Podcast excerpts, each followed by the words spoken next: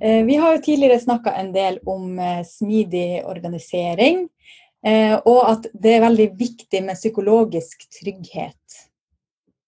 Jeg kjenner at jeg vet, ja, jeg vet litt for lite om hva som skal til for å skape psykologisk trygghet. Så håper jeg at det er noen her som kan berike litt min kunnskap om det her, da. Oi, ja, det er et ganske stort uh, spørsmål, egentlig. Fordi uh, det er veldig individuelt hva som kreves for at folk føler seg trygge, egentlig. Um, oh, nå kom jeg på noe veldig godt å si på en gang, men det var litt uh... Hvordan ble du interessert i psykologisk trygghet, da? Uh, jo, for min del så handlet det jo mye om at jeg satt i ulike produktteam. Og i, i, starten så satte jeg ulike produktteam som hadde veldig rigide prosesser. Uh, vi skulle liksom levere så og så mye per dag. Uh, veldig sånn rigid uh, Jeg føler at det kanskje for å kaste ut liksom best før, sånn fake smidig. da. At vi liksom Vi hadde veldig rigide prosesser. Jeg så at folk hadde det veldig kjipt i timene, men likevel så klarte vi å levere, egentlig. Uh, som jeg følte var litt sånn kognitiv dissonans, at folk har det kjipt, og likevel så klarer man å levere.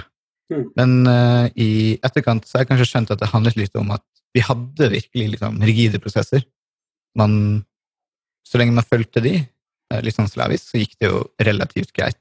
Men vi klarte aldri å innovere, egentlig.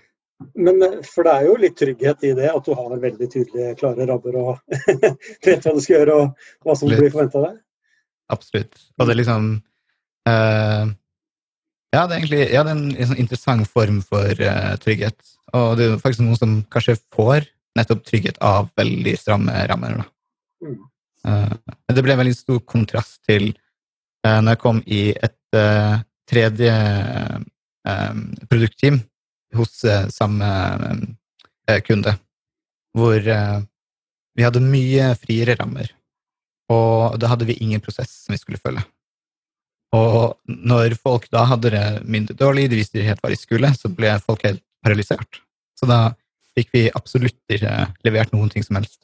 Mm. De frie rammene eh, liksom, eksponerte at folk ikke hadde det så bra, eller ikke visste hvilke mål vi jobbet etter. Eh, og da ble jeg veldig opptatt av hvordan kan vi gjøre folk eh, produktive med de veldig frie rammene. Og i etterkant har jeg skjønt at det handler kanskje mye om faktisk at du føler deg trygg da, på den jobben du gjør, og eh, generelt har eh, opplever psykologisk trygghet. da. Hmm. Det du, det du på en måte nevner her, er på en måte det første prinsippet i den agile, i The Agile Manifesto som man snakker om. Det er jo, mm. hva er det? Individuals and interactions over processes and tools. Mm. Men det er interessant sånn to, tosidighet. da. den, jeg kjenner godt igjen den der eh, følelsen av trygghet gjennom prosesser og strenge, si, strenge rammer og, og tydelige, uh, tydelige, forventninger. Uh, det er jo en måte å unngå uh, å få skylda for noe som ikke er på. Du har rigga til hvem har bestilt hva, ja, har du spesifisert hva du skal ha osv. Så videre, sånn at noen andre får skylden, så lenge du selv bare har gjort det som står på det arket. Så lenge du følger liksom, oppskriften, så eh, er du på en måte safe, da. Mm. Ja, og ikke bare det, men eh, altså Én eh, ting er jo at du har noen andre og en annen syndebukk. Men en annen ting er jo bare at uh, som vi snakket om siste gang, så kan vi si at en, slags definisjon av kultur er uh, hvordan vi jobber her, eller hvordan det funker her.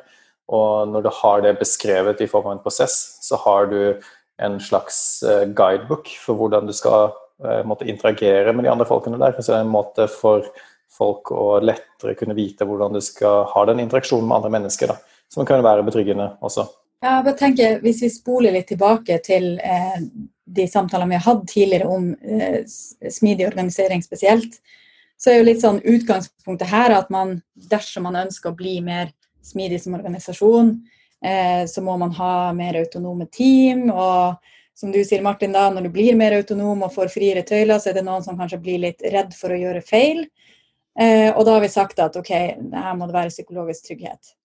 Eh, og da handler det jo ikke bare om at det at du ikke kan legge skylda på noen andre eh, hvis ting ikke går helt som du så for deg, men også at eh, at man på en måte er trygg på at eh, ikke du heller blir en syndebukk. Mm. Hvis det går feil, da, at noen er ute og peker, peker fingeren på deg og sier at liksom, det var din skyld. Du må liksom Mm. tørre å prøve og feile, som, som det så pent heter. Og, og det, det er liksom eh, litt av kjernen egentlig i psykologisk trygghet. At du skal føle at du kan eh, stille eh, spørsmål, du kan lære av andre eh, uten å bli sett ned på. At du stiller liksom dumme spørsmål.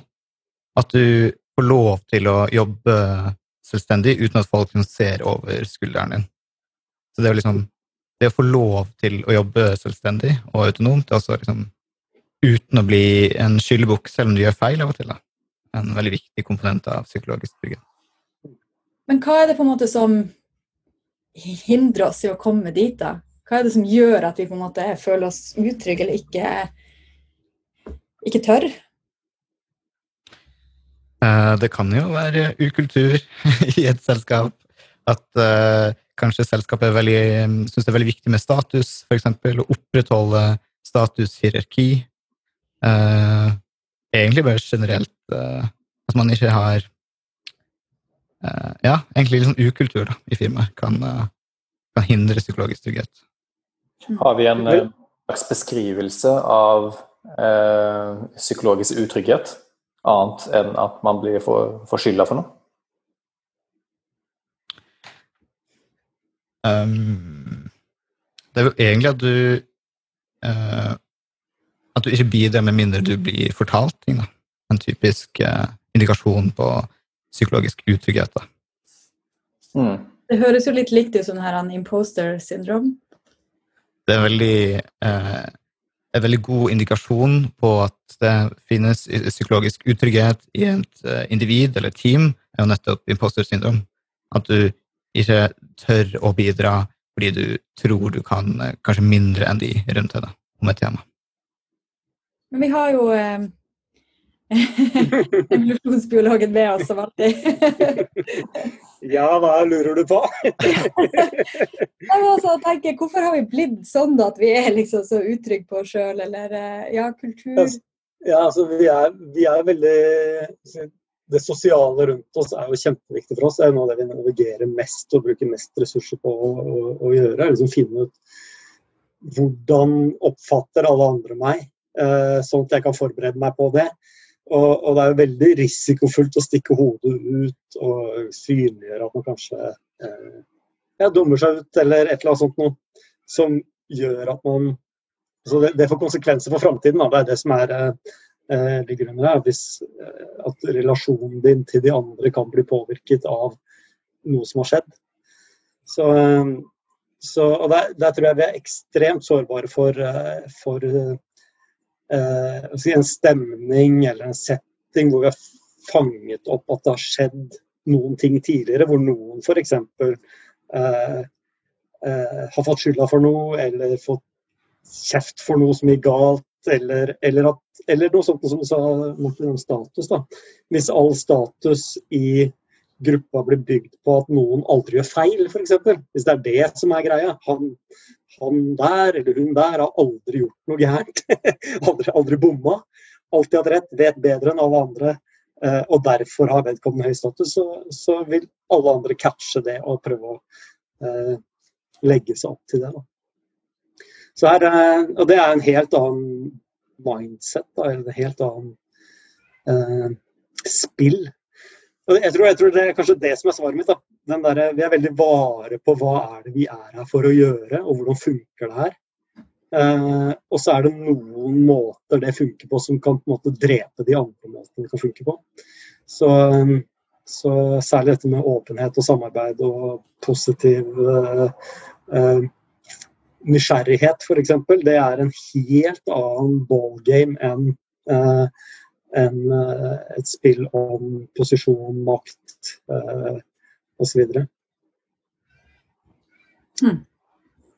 Så jeg, jeg tror ikke det er noe lett å jobbe med. men Jeg tror det er, eh, det er, lett, det er veldig lett å finne ut i ettertid. for vi er så sensitive på oss. Når vi står oppi det, så er det ekstremt vanskelig å sette ord på, for det er så beklemmende. Og så er det veldig lett når man har vært i ulike settinger, å si etterpå at oi, der var det et eller annet som skjedde som jeg ikke klarte å deale med eller skjønte at jeg sto oppi da, men det er jo helt annerledes her jeg er nå.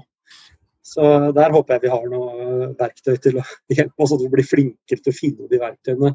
Vi trenger kanskje den derre eh, ja, det, er en sånn typisk setting hvor jeg tror vi trenger verktøy til å sette oss ned og si, gjøre en undersøkelse, teste en ting, eh, ha noen sånne sjekklister som faktisk kan hjelpe oss å se den situasjonen vi er i. Eh, en ting jeg syns er litt interessant når man jobber i produktteam, at man har ulike roller. Og det er veldig få som har ansvarsområde i et uh, team. Uh, I hvert fall moderne produktteam uten kanskje prosjektleder. Så har man ikke lenger en person som har eksplisitt ansvar for å passe på at folk har det fint. da. Man har kanskje folk som har ansvar for å prioritere progresjon, for å levere faktisk tjenesten eller produktet og veldig få som passer på at folk faktisk føler seg inkludert og har det bra på jobb. Så det er liksom Jeg tror det er at ingen har uh, Ingen forstår at det er faktisk et ansvar man må ta. Det kan også være en sånn enkel grunn til at plutselig så føler seg noe uh, særlig ny kanskje i et team, så er utrygge. da. Det er veldig interessant. Skal vi ta en egen episode på, på det? Skape psykologisk trygghet? Mm. Ja. Mm. Så gjør det.